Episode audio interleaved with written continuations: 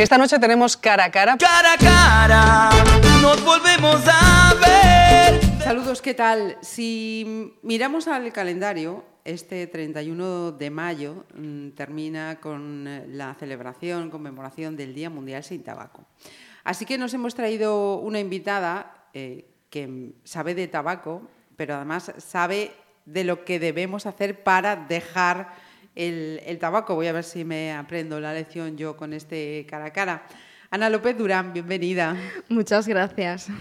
Ana López Durán es una mujer arausana que es eh, profesora de la Facultad de Psicología y coordinadora de la Unidad de Tabaquismo y Trastornos Adictivos de la Universidad de Santiago. Yo quiero hacer un matiz. Eh, que no estamos hablando, como me decías, de medicinas, de fármacos, no, estamos hablando de psicología, psicología ¿no? Sí. Y, y, lo quería abordar esta, esta cuestión mmm, con dos motivos. Una, eh, el estudio que acaba de publicar la revista Plus One, que me ha explicado Miana, que es una revista con, con mucho peso, con mucha trascendencia y el libro que ha publicado junto a Carmela Martínez Bispo y Elena Fernández del Río, que se titula Mujer y tabaco, implicaciones para la salud y el tratamiento. Eh, lo primero, una, curiosidad, Ana, ¿tú en algún momento has sido eh, fumadora? ¿No has fumado nunca? Es muy raro que alguien te diga que no ha probado nunca el tabaco. Mm. En la adolescencia es una edad en la que todos hacemos pruebas del tabaco, pero sí que tener una dependencia de consumo diario, no, nunca la, lo he tenido. Lo has tenido. Uh -huh. Vale, eh, en cuanto a este estudio que ha realizado esta unidad de tabaquismo y trastornos adictivos de, de la universidad, eh, ¿cuándo comienza el, el, estudio y cuál fue el, el punto de partida teórico para llegar ¿A qué punto de conclusión? Pues el estudio empezó hace tres años y medio aproximadamente. En nuestro punto de partida, digamos, por qué nos decidimos a hacer este, este estudio, es un estudio financiado por el, por el Ministerio, eh, fue porque nos encontrábamos, nosotros llevamos trabajando desde 1984 en el tratamiento con, de fumadores uh -huh. y siempre hemos tenido unos porcentajes de, de abstinencia muy, muy elevados y con el paso de los años, siguiendo el mismo protocolo, veíamos que este porcentaje iba disminuyendo. Entonces empezamos a analizar posibles causas. Y nos encontramos con que el factor más eh, importante era que las personas que ahora venían a dejar de fumar tenían problemas de depresión. Ajá. Había un mayor porcentaje de personas que o bien en este momento estaban con tratamiento para depresión o lo habían tenido en el pasado. Entonces empezamos a diseñar eh, una intervención que junto con nuestra intervención tradicional pues eh, mejorara o intentara mejorar nuestros resultados porque íbamos a abordar ese estado de ánimo deprimido. Ajá. Entonces el estudio consiste en comparar la intervención clásica, la intervención estándar que nosotros tenemos, eh, frente a una intervención estándar con una intervención de eh, activación conductual. La activación conductual es un tratamiento que se utiliza, una técnica que se utiliza en el tratamiento de la depresión. Y lo que nos encontramos era que sí, que había unos resultados muy positivos introduciendo esta técnica y quizás lo más sorprendente de todo es que no solamente con las personas deprimidas, sino con las personas sin ningún problema de depresión. Entonces, eh, lo que vemos es, por un lado, que dejar de fumar mejora el estado de ánimo, que es una de las cosas que a veces eh, más le sorprende a la gente porque sí. piensan que cuando vas a dejar de fumar, pues después vas a estar de mala leche, enfadado todo el día, de mal humor, o encima vas a engordar, que te va a pasar todo lo peor del mundo. Y lo que encontramos es todo lo contrario. Dejar de fumar está relacionado con una mejora en el estado de ánimo. Uh -huh. eh, esto lo habéis eh, probado en una serie de, de, pacientes. ¿Cuántas personas participaron en ese ensayo? En el estudio eran eh, 100 en, un grupo, en el grupo experimental, que era el estándar más eh, activación conductual, otras 100 en el grupo estándar y 50 en un grupo control de lista de espera. Se denomina uh -huh. así. Y los resultados evidencian esto que nos acabas uh -huh. de, de, decir. Que sí, que hay una, hay una mejoría introduciendo esta, uh -huh. este tratamiento Ajá. a mayores. Mira, porque mmm, me decías, eh, esto es una activación conductual, es decir, eh, abordar el comportamiento, ¿no? ¿Cómo, cómo uh -huh. se comporta la, la, persona? Una de las cosas que ocurre cuando tú estás deprimido o tienes sintomatología depresiva es que dejas de hacer cosas que antes te gustaban hacer.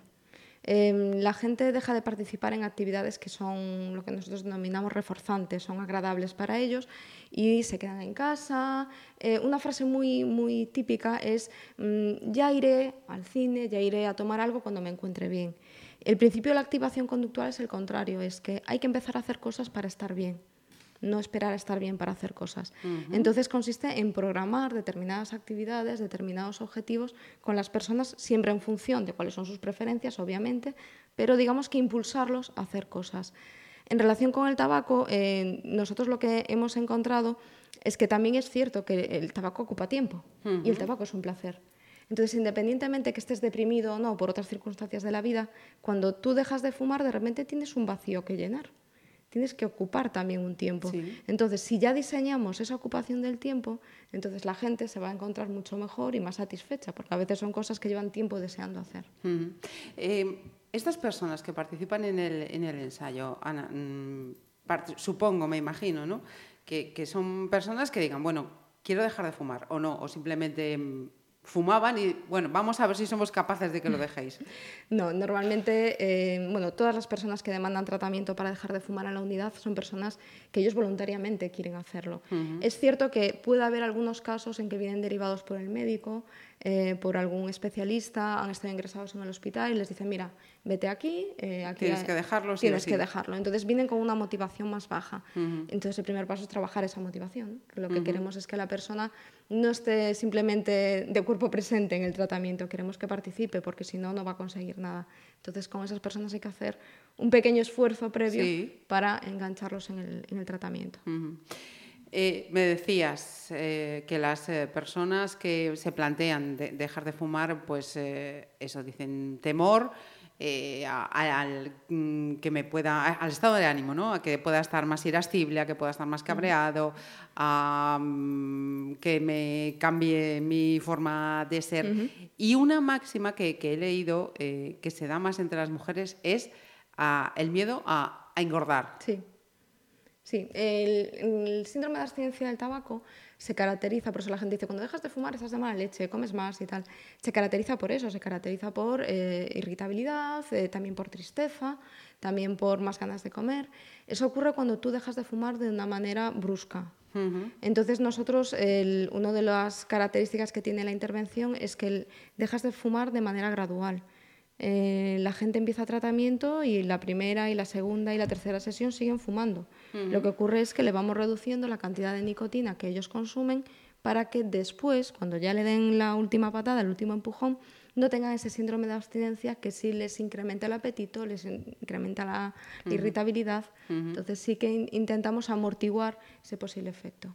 Y he leído eh, de, ese trabajo que durante estos años eh, también habéis estado haciendo, que de alguna manera no, no es tan grave, vamos a decirlo así, que, habéis que corroborado que podría ser un kilo, dos kilos, que tampoco es nada de decir, es que me voy a doblar si dejo de fumar.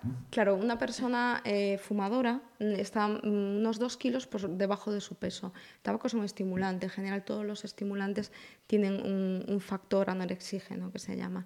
Entonces, eh, cuando tú dejas de fumar, lo normal es que pueda subir unos dos kilos para hacer ese, esa compensación, ¿vale? Entonces, lo que nosotros también trabajamos, o sea, tenemos ya una sesión concreta en donde trabajamos la preocupación por el peso y determinados hábitos para no incrementar ese, ese peso. Una de las cosas que la gente a veces piensa es que dice, y voy ahora también a ponerme a dieta, a hacer ejercicio, a dejar de fumar, todo junto. Lo que sabemos es que eh, es mucho más fácil dejar de fumar y mucho más fácil adelgazar cuando eh, te pones a hacer todo a la vez, porque una de las cosas tira a la otra. Entonces, si tú empiezas a hacer ejercicio, te vas a encontrar mejor, vas a mejorar tu capacidad respiratoria, si dejas de fumar también, está todo relacionado. Entonces, si conseguimos que la gente se enganche, digamos, a hábitos saludables, eh, la adherencia al tratamiento y también el mantenimiento de la abstinencia es mayor. Lo que sí puede ser más desconocido entre quienes nos estén escuchando es el, hecho, mm, por lo menos la conclusión a la que, a la que llego, es que el, fumar a los fumadores eh, les provoca eh, esa tristeza, ese, no sé si atreverme a decir de estado depresivo, pero que, afecta de, esa manera. El fumar al final em, está siempre intentando mm, luchar contra esas ganas de fumar. Es decir, tú cuando tienes un consumo diario de tabaco, eh, muchas veces lo que haces es fumar ya no por el placer, sino muchas veces para quitar el malestar porque el cuerpo te está pidiendo esa nicotina. Entonces, eh, cuando empiezas a fumar, sí que, igual que cualquier otro tipo de sustancia adictiva, eh, estás buscando el placer. Cuando ya tienes esa dependencia establecida, lo que haces es evitar el malestar. Mire, y, acabas de pronunciar la palabra de dependencia. Em, ¿Vosotros eh, en qué punto determináis que existe una dependencia? Es decir, una persona que se fuma tres, cuatro pitillos al día es una persona dependiente, un pitillo es una persona dependiente, fumar ya, el hecho de fumar ya es... No, la dependencia es un, es un criterio em, que se utiliza dentro de las clasificaciones psicodiagnósticas, en donde hay pues, unos em, criterios establecidos eh, para determinar que tú tienes dependencia y que yo no la tengo igual que decir que tú estás deprimido y yo no. Es decir, una serie de criterios que tienes que cumplir. Evidentemente, eh, son criterios que con el paso del tiempo se pueden modular, eh, debido a investigaciones científicas, puede haber eh, cambios en ese criterio, pero está bien establecido. no es tanto la cantidad, sino que, evidentemente, cuanto más fuma una persona, más probabilidad de ser dependiente, sino determinados hechos como que la persona em, pues haga unos esfuerzos, eh, le hayan recomendado dejar de fumar y aún así lo siga haciendo, que haga unos esfuerzos muy importantes por conseguir el tabaco, en plan, pues estoy en casa por la noche. ¿Y salgo en pijama? Justo, salgo en pijama. El hecho de, em, pues fumo muy temprano, eh, porque tengo que, como llevas toda la noche sin fumar, pues lo primero que haces en cuanto te levantas pues es fumar un cigarrillo. Es decir, son determinadas variables que es lo que marca que una persona, pues digamos que esté más enganchado más sea más dependiente del tabaco. Ya. Es que me estoy viendo en algunas de esas. Ana, eh, ¿cuánto tiempo eh, trabajáis con, con, estas personas para decir, ha comenzado el tratamiento y aquí ya has conseguido dejar este hábito? Las sesiones, tenemos un programa que es estándar, estandarizado entre seis y ocho sesiones. Vienen una sesión de evaluación, uno o dos, dependiendo de pues, si le da tiempo o no le da tiempo. Y después el tratamiento consiste en asistir una vez a la semana em, durante una hora y em, durante seis o ocho, dependiendo el, el, momento, el tipo de tratamiento y dependiendo también la variabilidad individual. Y después hace un seguimiento durante un año. Una vez al mes se les llama, se les vuelve a, convocar para que vengan a ver qué tal está. Eh, todo este trabajo que habéis eh, desarrollado, decía yo antes, que está publicado en la revista Plus One, y, y, ahora, y ahora mismo se considera pues, como, como una ponencia, un estudio de referencia nacional e internacional. O sea, que no es tontería esto que habéis estado haciendo. Es, hay muy pocos estudios. Bueno, evidentemente a día de hoy hay muy poca visibilidad del tratamiento psicológico del tabaquismo. Está todo muy eh, influenciado. Eh, digamos que en el tema del tabaco ya no solamente por, el, por los fármacos, sino incluso por terapias de estas pseudocientíficas. Es cierto que la gente cuando quiere dejar de fumar se agarra a lo que puede y, y lo que nosotros vemos con mucha frecuencia es que la gente busca a veces lo que es una varita mm, milagro, una sí. de la madrina, ¿no? que te pongan la varita encima y casi dejes de fumar. Es muy complicado hacerlo sin un mínimo de esfuerzo por parte del, del fumador a nivel nacional, eh, nosotros somos un grupo de referencia en el tratamiento del, tabaquismo, sobre todo porque llevamos muchísimos años ya en, ello. ya en ello. Y a nivel internacional es relevante porque con el abordaje de, la, de lo que es la sintomatología depresiva o el estado de ánimo, hay muy poco publicado. Hay con otro tipo de, de, adicciones, con otro tipo de sustancias, sí que se han hecho investigaciones, pero en el caso concreto del tabaco hay muy poco eh, publicado previamente. Sobre todo porque además es, es novedoso, ¿no? Cualquiera que, que, esté escuchando dejar de tabaco, la cabeza se le va a ir, pues no sé, a parches, a chicles, a mm, etcétera, etcétera, que entonces psicológicamente lo único que hacen es, entiendo, mm, corrígeme si no es así, engañar, ¿no? Mm, no, en el caso de los parches y los chicles, a día de hoy hay eh, dos tipos, digamos, de tratamientos que son eh, con evidencia científica de que funcionan. Tenemos el tratamiento psicológico, cognitivo-conductual, que es el que nosotros utilizamos, y después está tratamiento farmacológico. Dentro del tratamiento farmacológico hay a su vez dos grupos. Eh, los fármacos, que son pastillas, que hay dos que están en, este momento eh, comercializadas en España y después están los parches, los chicles e incluso los sprays. Estos eh, productos eh, lo que hacen es que en vez de consumir la nicotina a través del el cigarrillo, lo que haces es consumirlo a través de un chicle o a través de un parche. Eh, entonces tra- trabajarían lo que es la dependencia física del tabaco, pero no la La dependencia psicológica. psicológica. Y además, el principal problema que nos encontramos en España es que mm, en lo que son los estudios con los fármacos que están publicados, cuando hablan de sus datos de eficacia, hablan siempre el fármaco acompañado de una intervención psicológica. Ajá. En España no se hace intervención psicológica acompañada de los fármacos. Entonces su eficacia es muy bajita, además de los efectos secundarios que tienen, que mucha gente viene a, a tratamiento y dice, yo no quiero saber nada de fármacos, yo ya me tomé uno y estuve fatal y no, no, te preocupes, nosotros vamos a hacer un tratamiento en el que no vas a tomar Ajá. ningún fármaco. Y, y tratar de engañarnos con lo del vapor es engañar a la cabeceña. Es que el problema del vapor es que normalmente lo que se pone es nicotina también. Ajá. Hay la posibilidad de hacerlo sin nicotina y con nicotina. Eh, normalmente la gente que lo consume es con nicotina. En España apenas hay vapeo. ¿no? El cigarrillo electrónico está mucho más, menos extendido que en países como en Estados Unidos, en donde sí que incluso se están haciendo estudios con, con este tipo de dispositivos. Aquí es que nosotros encontramos que cuando salieron al mercado, además coincidió con una campaña de Navidades, eh, aparecieron muchísimos establecimientos Sí, que vendían cierto. cigarrillos electrónicos. Eh, nos venían algunos pacientes con que se lo habían regalado. Eh, ¿Qué nos encontrábamos? Con que ellos, bueno, evidentemente el placer es mayor el del cigarrillo, y para nosotros lo preocupante fue que gente que había dejado de fumar recayó en el tabaco por Anda. culpa del cigarrillo electrónico. Sus familiares eh, allegados se lo regalaron pues con todo Con el cariño del mundo. claro. De mira, ya verás, eh, ahora dejaste de fumar, pero no lo vas a echar de menos con esto. Y de repente nos llegaban recaídos. ¿Pero qué pasó? Dicen, no, es que me dieron esto y claro, yo prefería el tabaco normal. Hizo clic en la cabecita y de repente me empezó a apetecer el cigarrillo normal. Entonces habían recaído. Vamos a dar otro pasito. Y chicas, atentas porque vamos a hablar de este libro, Mujer y Tabaco, implicaciones para la salud y el tratamiento. ¿El tabaco afecta más a las mujeres o tiene efectos más perniciosos en las mujeres que en los hombres? Ana? Tiene efectos diferentes, sobre todo porque los hombres y mujeres somos diferentes en- a nivel fisiológico. El problema que nos estamos encontrando es que el tabaco, mm, igual que cualquier otra sustancia, el consumo era principalmente por parte de los hombres, es decir, el porcentaje de mujeres consumidoras siempre en sustancias aditivas siempre es inferior. El problema es que en tabaco ahora ya no. en, en lo que es la población adolescente hay más chicas que chicos fumadores. Y nosotros hoy en día en la unidad ya tenemos más de un 60% de mujeres que, están que en tratamiento. Entonces, eh, a raíz de ahí empezamos a ver que, claro, todos los estudios publicados siempre se hacen con una población sobre todo masculina, porque eran los que venían a dejar de fumar. Ajá. Y sí que empezamos a percibir que había determinados aspectos que a las mujeres, porque tenemos un componente emocional también más, más relevante que ellos, nos costaba más.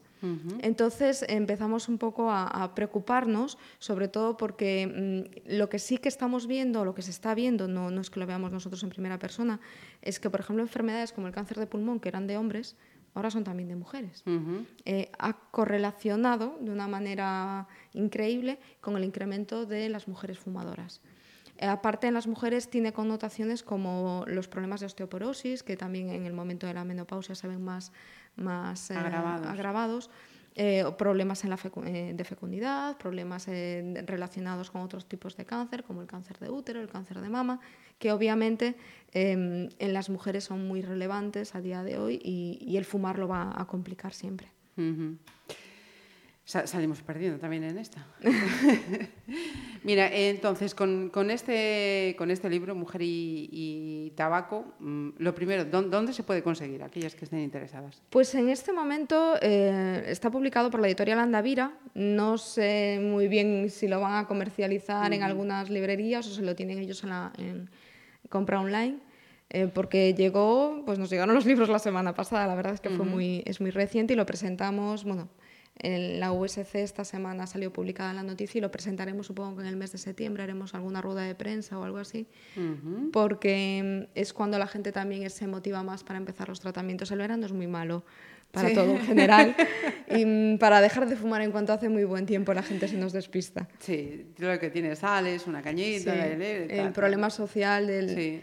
El fumador social. El fumador es, es, muy importante. El, uh -huh. Además, hoy en día donde podemos fumar es en las terrazas. Uh -huh. Entonces, en invierno es más fácil dejar de fumar estando sí. dentro. Ajá. Mira, o sea, que no va con el tema de los propósitos de Año Nuevo, esto va con el comienzo de curso, más bien. Sí, ¿no? con la normalmente de... con el comienzo. Hay dos momentos en el año. Uno es en, en enero y otros en, en, septiembre. Es curioso porque mucha gente ahora se siguen apuntando, lo que pasa que nosotros ahora ya empezamos unos tratamientos, una tanda de tratamientos, y en julio ya sabemos que tienen que estar terminados porque la gente ya no continúa. Entonces ahora la gente se, se apunta y uh -huh. se les evalúa y empiezan en, en septiembre. Uh -huh. eh, consejo entonces, eh, dejar de fumar es fácil. Sí, si uno quiere dejar de fumar, sí. Una de las cosas que a la gente le llama mucho la atención, a nuestros pacientes, es que cuando finalizan el tratamiento mmm, siempre nos dicen que es eh, más fácil de lo que ellos pensaban. Uh -huh. Lo cual a veces puede ser negativo, mm, porque al haber sido tan sencillo, ellos mismos a veces bajan un poco la guardia. Dicen, como ya he dejado de fumar una vez, va, malo será que, que vuelva. No, que vuelva vuelva a caer y que no pueda dejarlo. Entonces siempre les tenemos que avisar mucho de que, ojo, ha sido fácil, pero no quiere decir que la siguiente vez lo vaya a ser. Uh -huh. Entonces no bajéis la guardia porque la recaída es algo que en adicciones está, existe y, y no es algo imposible. Uh -huh. Pues que está en la cabeciña, querer dejar de fumar y con estos eh, beneficios además que, que nos dice Ana, mmm, positivos para, para, nuestro cuerpo y para, y para nuestra mente y para nuestro carácter. que era algo que me llamó muchísimo sí. la atención, el tema, el tema eso de, de la tristeza. De Del la... estado de ánimo. Sobre todo porque yo lo relaciono también mucho porque eh, la gente se encuentra muy satisfecha consigo misma tras dejar de fumar. Uh -huh. eh, una de las diferencias que encuentras cuando es un tratamiento farmacológico únicamente o cuando es un tratamiento psicológico es que, claro, el tratamiento farmacológico parece que tomaste la pastilla y quien hizo el trabajo fue la pastilla. Aquí no, ellos han aprendido a dejar de fumar y son conscientes de que ellos lo han conseguido. Uh -huh. Entonces, la satisfacción personal que tienen es increíble. Claro. Mm. Uh -huh.